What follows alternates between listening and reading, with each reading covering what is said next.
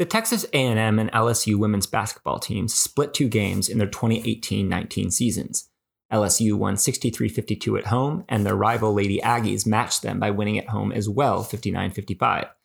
The LSU men's basketball team swept Texas A&M's male-only squad, winning by scores of 72-57 and 66-55 respectively. These were all reasonable 40-minute college basketball games in which each team scored a reasonable amount of points, with the highest scoring game of the bunch producing 129 collective points. Also reasonable. During that same autumn, however, these schools combined for 146 points in a game in which they played each other. But there was no dribbling involved. This happened in a freaking football game. A very unreasonable SEC football game. One with seven point touchdowns and three point field goals. And two point, two point conversions. By the time it was over, the hosting Aggies of Texas A&M scored 74 points to their SEC rival Tigers 72. Again, in a football game. A football game in which nearly everyone in attendance felt the Tigers had prevailed in regulation by a very reasonable score of 31 24. So there's college football, and there is college football overtime. Don't let anyone tell you they are the same but they can both be enthralling. Purists may want the real thing. You can watch a college football overtime with your grandparents without having to explain and without them falling asleep.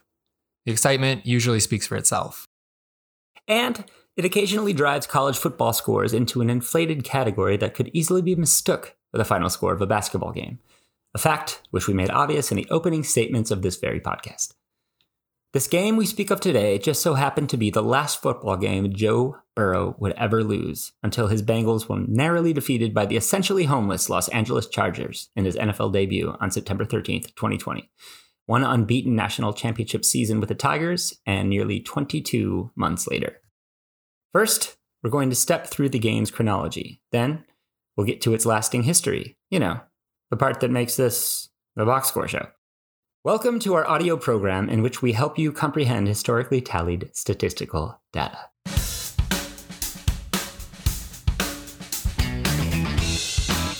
I'm Chris DeSalvo. And I'm Kevin Chroust. This is episode 8 of the Box Score Show, a podcast created by The Analyst. We're discussing one box score each episode with all sorts of info about its relevance then and now.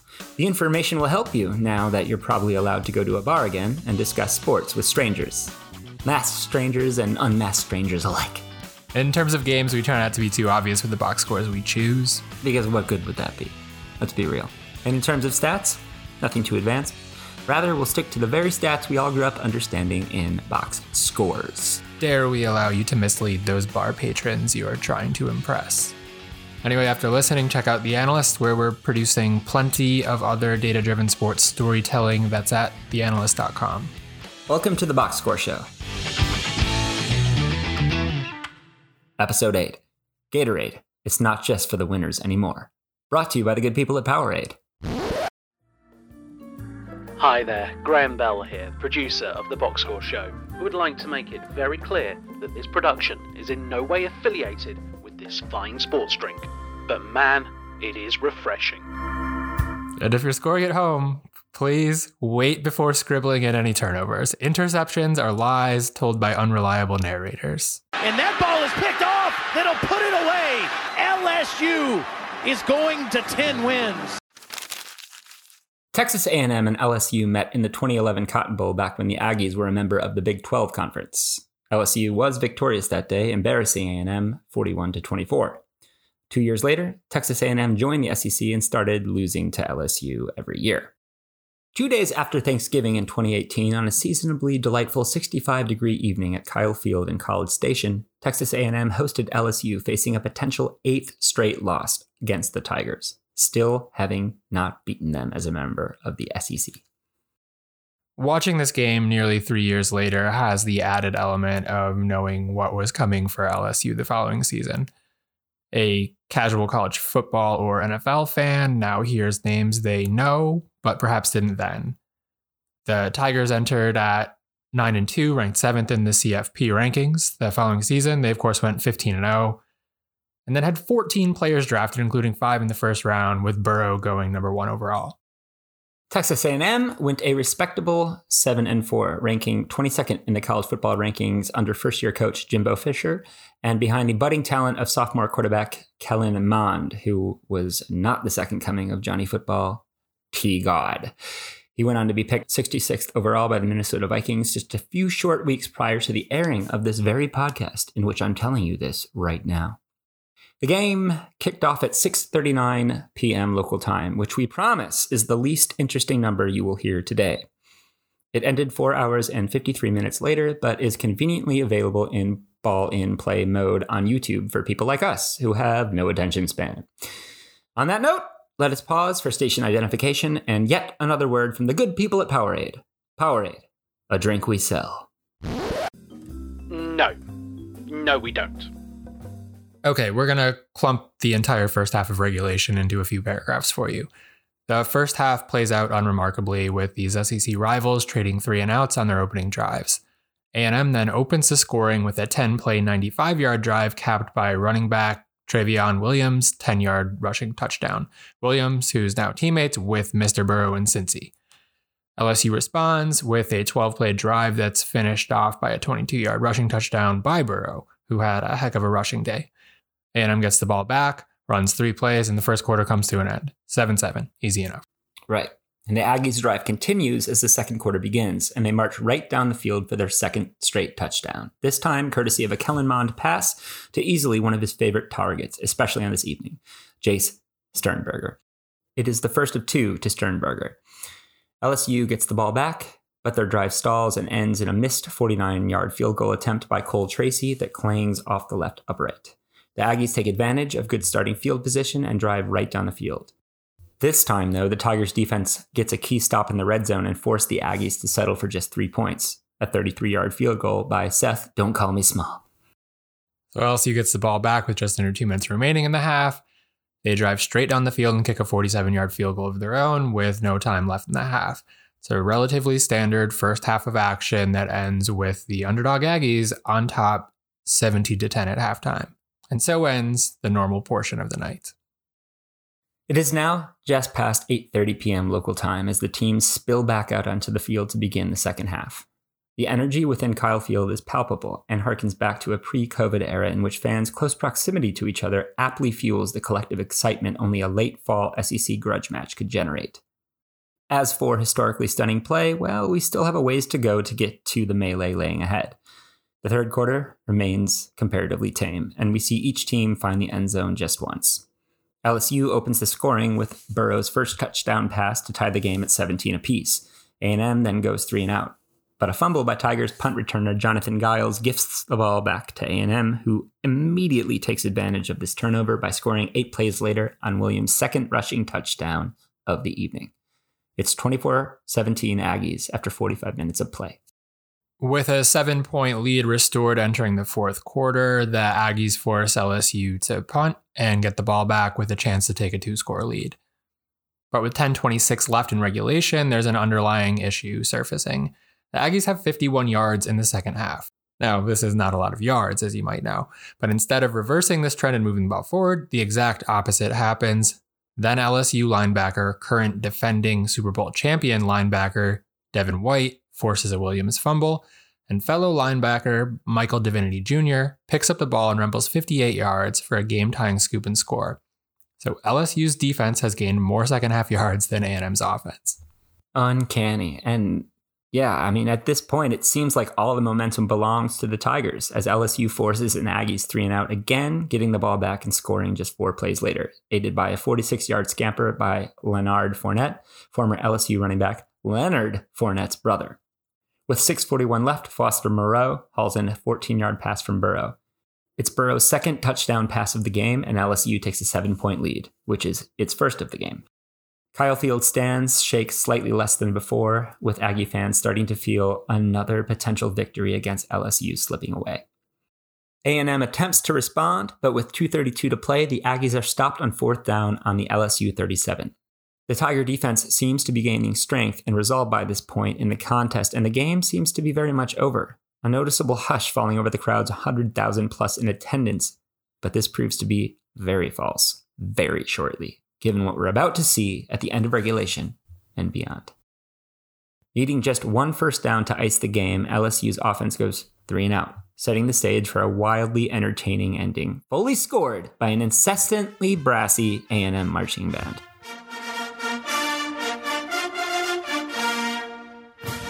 Behind Mond's inability to accept defeat, the Aggies get the ball back on their own 22 yard line, trailing 31 to 24 with no timeouts and just 89 seconds left to play in regulation. After a couple of first downs, Mond attempts to make some magic happen with his arm, and after evading a charging slew of Tiger defenders out of a collapsing pocket, he makes a blunder that nearly ends any lingering chances of an Aggie victory. Just before being taken down for a sack, Mond makes an ill advised pass that finds the pigskin sailing directly into the hands of the LSU secondary on second down and 10. An untimely interception that all but assures the Tigers of their 10th victory that season and ninth straight win over the Aggies since they joined the SEC in 2011. The game feels so over at this point that a couple of LSU players have time to douse head coach Ed Orgeron in Gatorade. This symbolic saturation proves to be very premature. But even for us as viewers, the game was over. Now, the game is over so much so that we were convinced we had just watched the wrong football game. Agitated as you may assume, we checked the YouTube timeline. Fortunately, there's still more than half of the video to watch. We sat back down. I apologized to Chris for him pulling up what I thought to be the wrong YouTube URL to talk about on a podcast we record in the free time we hardly have. Free time. As much of a myth as the stories of Mordor. My being Samwise to Kevin's Frodo, I assure Kevin that his apology does not fall on deaf ears, and it is very much appreciated, to the point where I start to feel guilt for making Kevin feel guilty and we're back to where we started. Two kids from the Midwest who can't deal with their feelings. Whew. Okay, time out. Graham, can you play some transition music to carry us forth through this awkward time?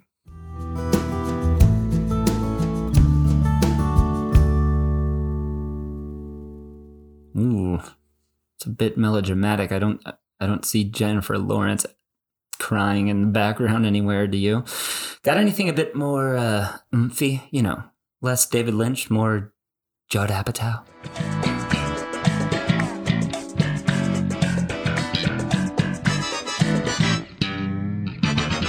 And we're back. Upon review, it was determined that Mond, who dropped the snap, touched his knee to the ground before throwing the INT, setting up a less than desirable third and 18 from the 39 yard line.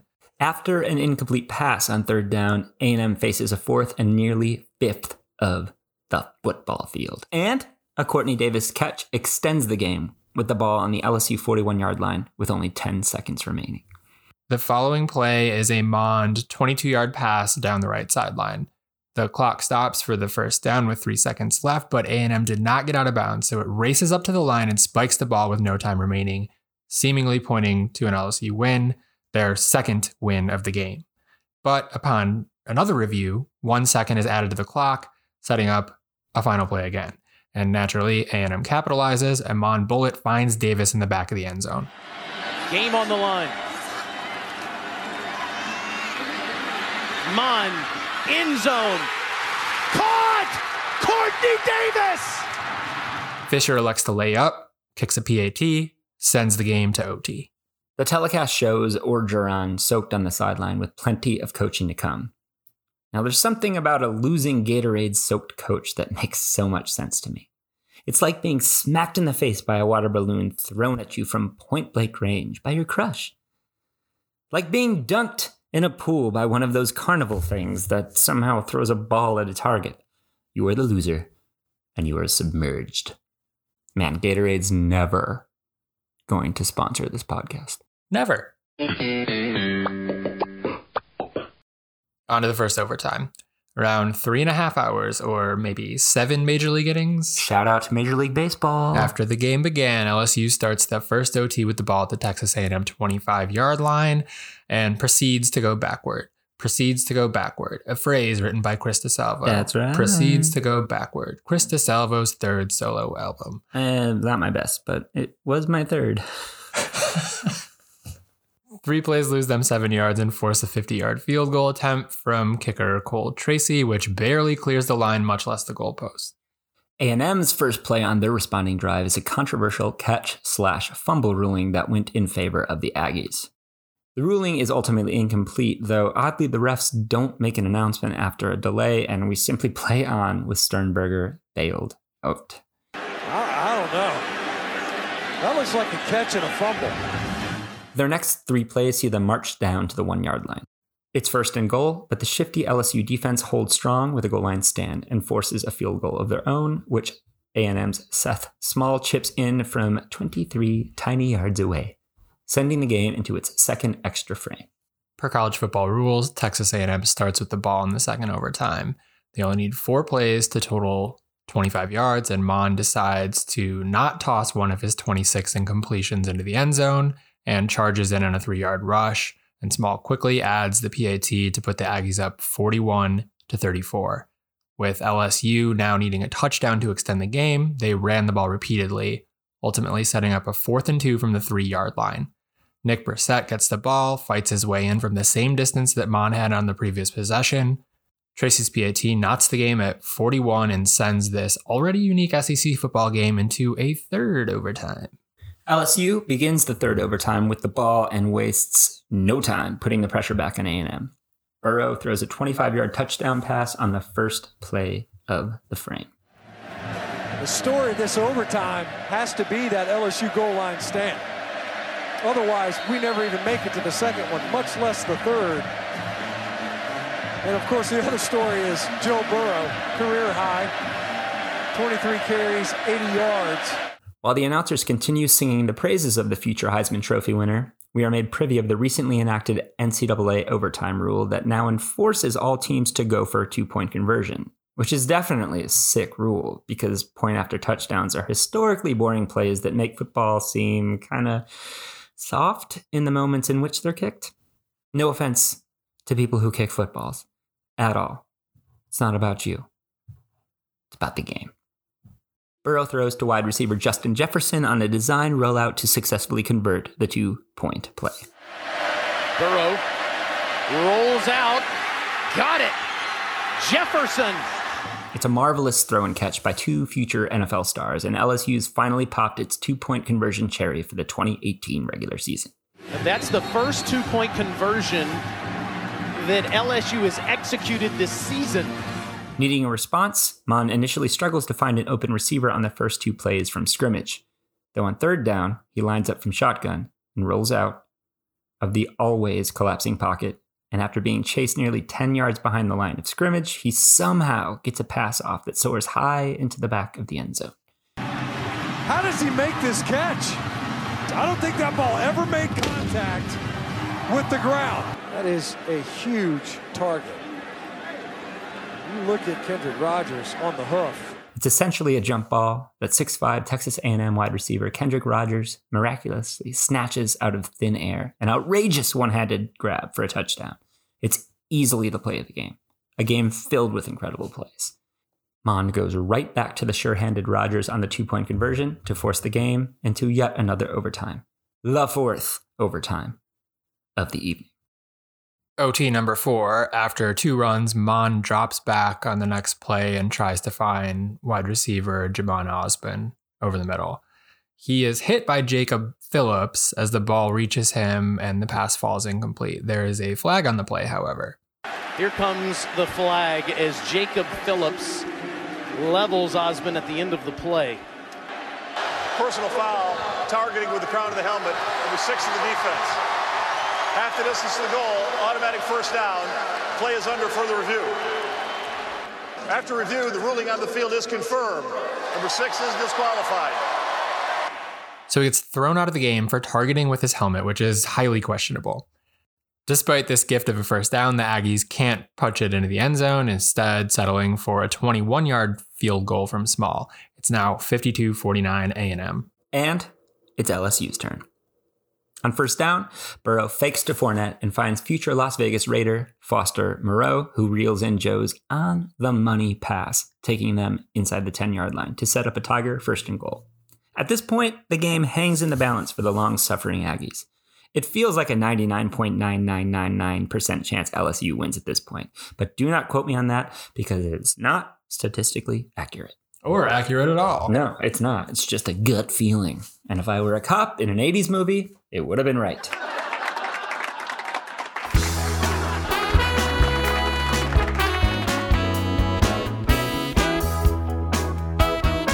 The Box Score Show is recorded in front of a live studio audience. It's first and goal LSU from A&M's eight-yard line after the timeout. Burrow hands to Fournette, who gets a yard. On second down, Burrow takes the snap from shotgun and keeps it, sweeping right where he's almost instantly wrapped up at the line of scrimmage, bringing up a crucial third down for the Tigers. Burrow once again keeps and tries to squirm forward to the goal line, but is taken down at the three. It's fourth and goal LSU, where Coach O elects to play it safe and kick the field goal. Cole Tracy steps onto the field, lines it up, and just as he's prepping to make his kick, every ref's whistle is blown. It's a delay of game on the offense, a five yard penalty for LSU. Tracy is unfettered by the delay and easily knocks through his 93rd field goal of his very successful college career as a place kicker, which is why nobody knows or cares. We head into the fifth overtime period, tied at 52. Burrow's professional poise really starts to show at this point after finding fullback Tory Carter on a 13 yard pass. I think that's the 11th different receiver for Joe Burrow. So he's spreading it around, he's certainly been given plenty of time to do so. Burrow and the Tigers get fancy, pulling out a trick play to get them into the end zone. Then backup running back Clyde Edwards-Helaire, maybe you've heard of him, receives a pitch from Burrow and throws a halfback pass to Carter for the score. These would ultimately be Carter's only two catches and touches of the game, while future Chiefs first rounder CEH finished with three carries for three yards, one pass attempt, 11 yards, and a touchdown. They were not able to score the two point conversion, however, which opened the door for The A&M. Aggies then get the ball back, and at this time, a graphic is flashed onto our TV screens at home, revealing the staggering summation of plays made by each team for the night 85 for LSU and merely 97 for A&M. That's a lot of plays, right, Kevin? Yes, Chris, I believe it is a lot of plays. Thank you for validating my point, Kevin. Needing to respond with a touchdown once more, the Aggies start with a 21 yard run by Mond on a scramble to set up a first down at the four yard line. Mond struggles greatly on the next three plays, however, and it once again looks like this is the Tigers' game to lose. However, on fourth down and goal, with the game on the line, Mond goes right back to his favorite target tonight Kendrick on the money Rogers. And the game is once again tied like a knot. He's able to hit Kendrick Rogers, who they have listed at 6'4. This guy is 6'6 if he's an inch.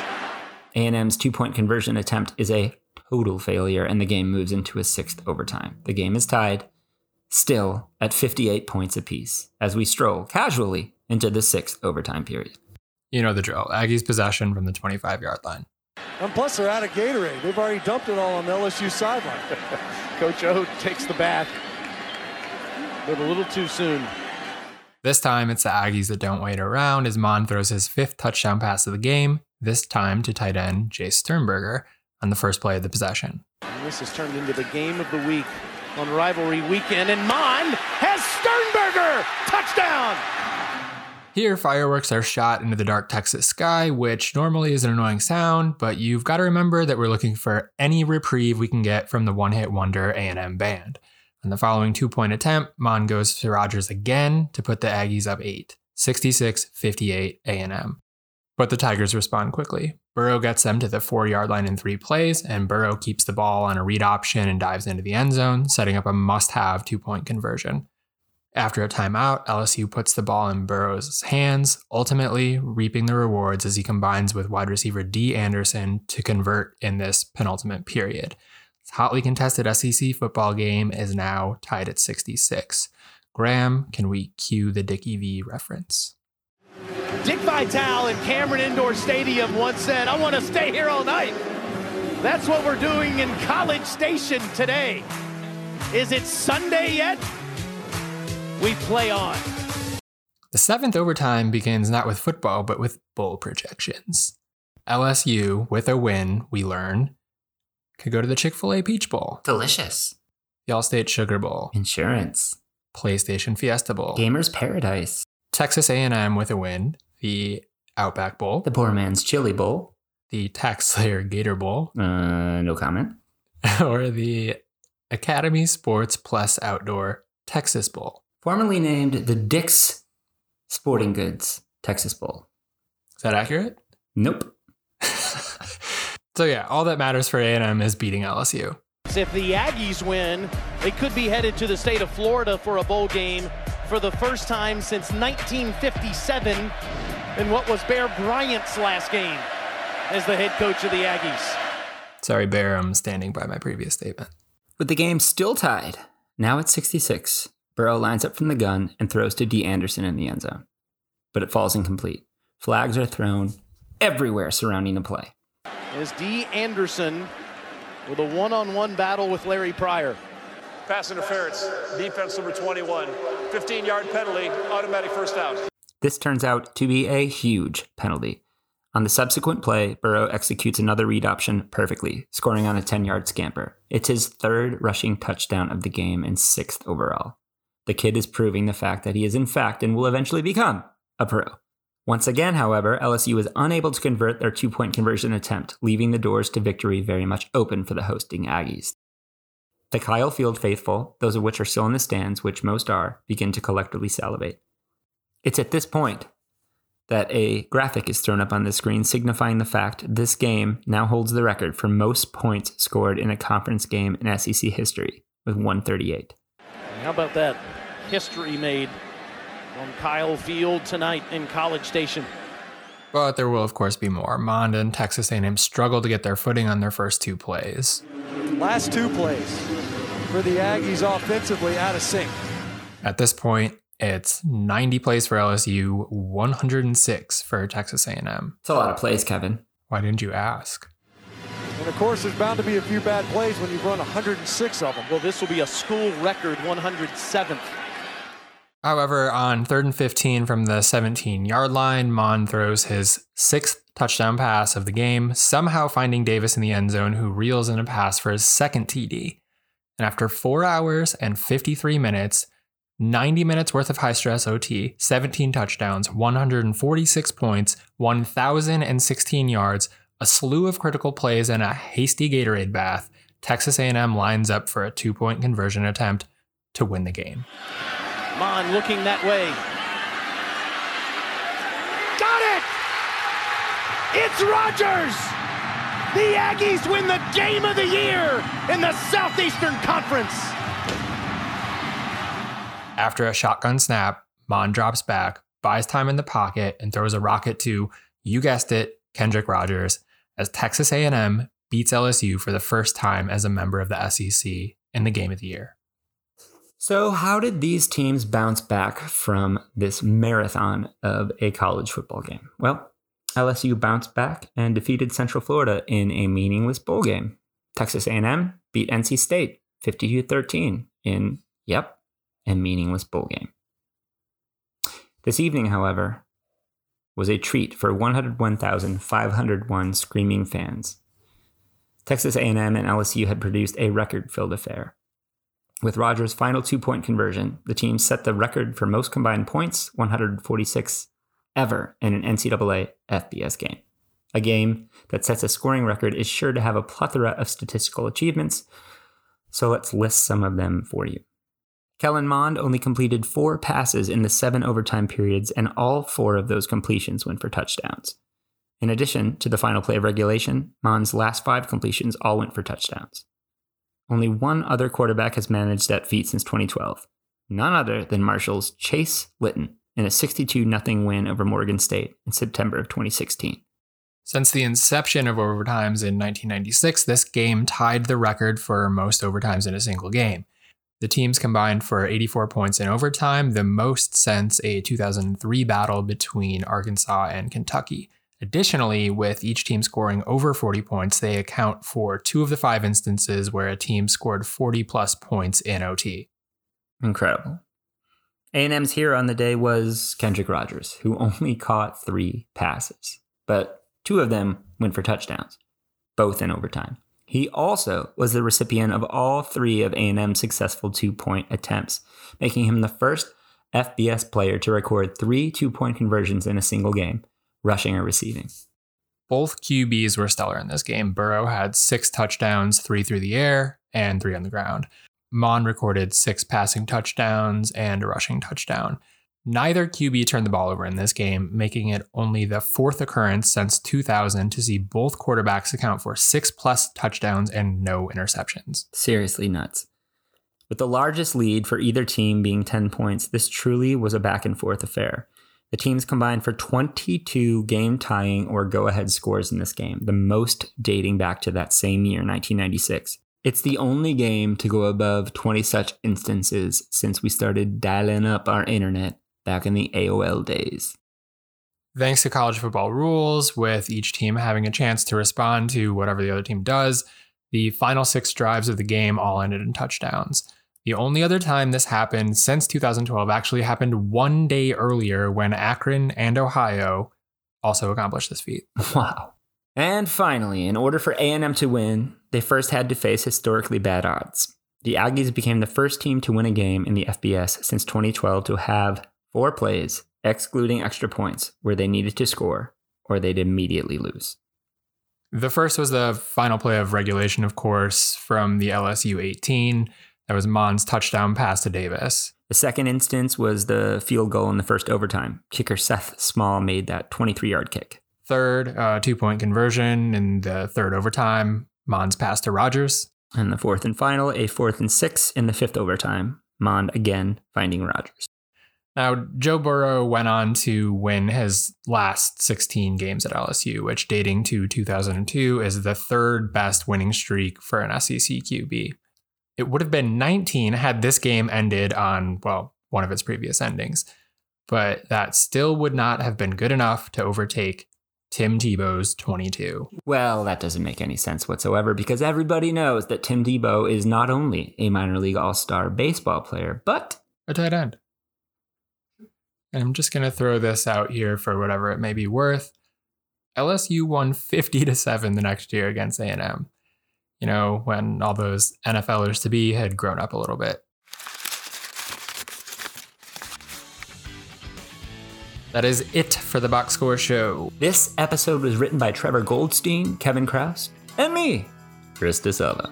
It was produced expertly by Graham Bell.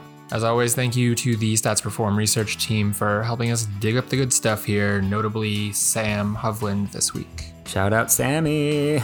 And thank you, the listener, for listening. We'll be back, and until then, head over to theanalyst.com for plenty more data driven storytelling. Send suggestions for box scores you'd like to hear about on the show or read about on the site to editors at theanalyst.com and please let us know what we may have overlooked from this box. Please do. We are really good at making mistakes. For episode 9, we're going to talk about triple doubles and a peculiar one in particular. This seems very risky. Why? Because we already talked about quadruple doubles on the show. It's fine, bro. Okay, I'll, I'll do it, but I'm only going to do it if you can name one recording artist to make a decent acoustic album after starting electric. It's so easy. Lenny Kravitz. Duh. That was Kevin Chroust, and I'm Chris DeSalvo. Lenny Kravitz, biggest fan. This has been the Box Score Show, a production of The Analyst and Stats Perform, and definitely not Gatorade.